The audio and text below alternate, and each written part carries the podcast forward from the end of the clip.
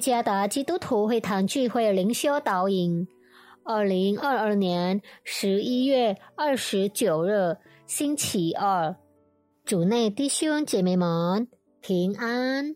今天的灵修导引，我们会借着圣经以赛亚书四十章第三到第五节来思想今天的主题。他避开道路，作者。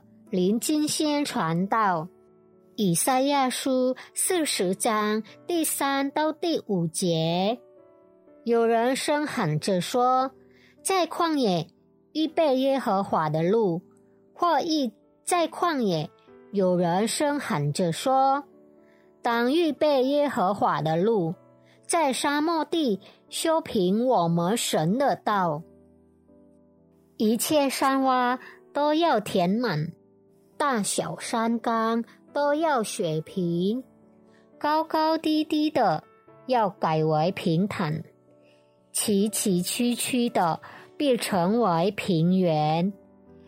耶和华的荣耀必然显现，凡有血气的必一同看见，因为这是耶和华亲口说的。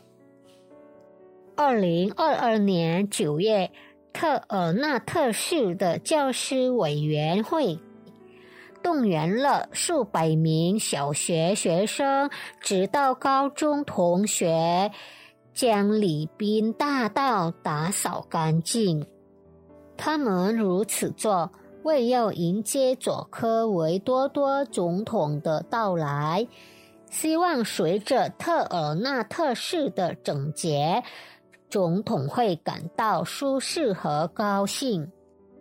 神差遣先知以赛亚来宣告快得释放的日子。神自己为那些失去返回故乡盼望的人预备道路。当无路可走的时候，神为他的子民开道路来帮助他们。因此。他们必须预备好自己迎接他的来临，以悔改的心迎接那得释放的日子，远离罪恶，洁净心灵，成为配得迎接他的子民。施洗约翰也传达了这个信息，他被差遣去预备神子民悔改的心。以便当耶稣来临时，他们已经预备好迎接他。这个时候，我们也正等候主的再临。耶稣已经来临，正在来临，他要再临。很快，我们就要庆祝他成为婴孩第一次来到这个世界。我们或许。正在准备圣诞期间的各种活动，我们开始忙于圣诞会议和筹备各样庆祝节目的练习，以及各种消耗体力和精力的教会活动。但是，我们有没有想过？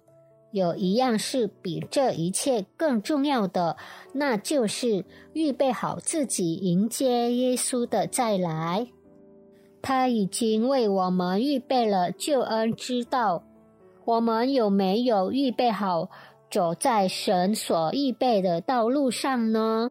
让我们等候他吧，愿意不断的更新自己，享受他的恩典。迎接他的来临，神为他的子民开道路，让他们活在悔改中，并经历他的恩典。愿上帝赐福大家。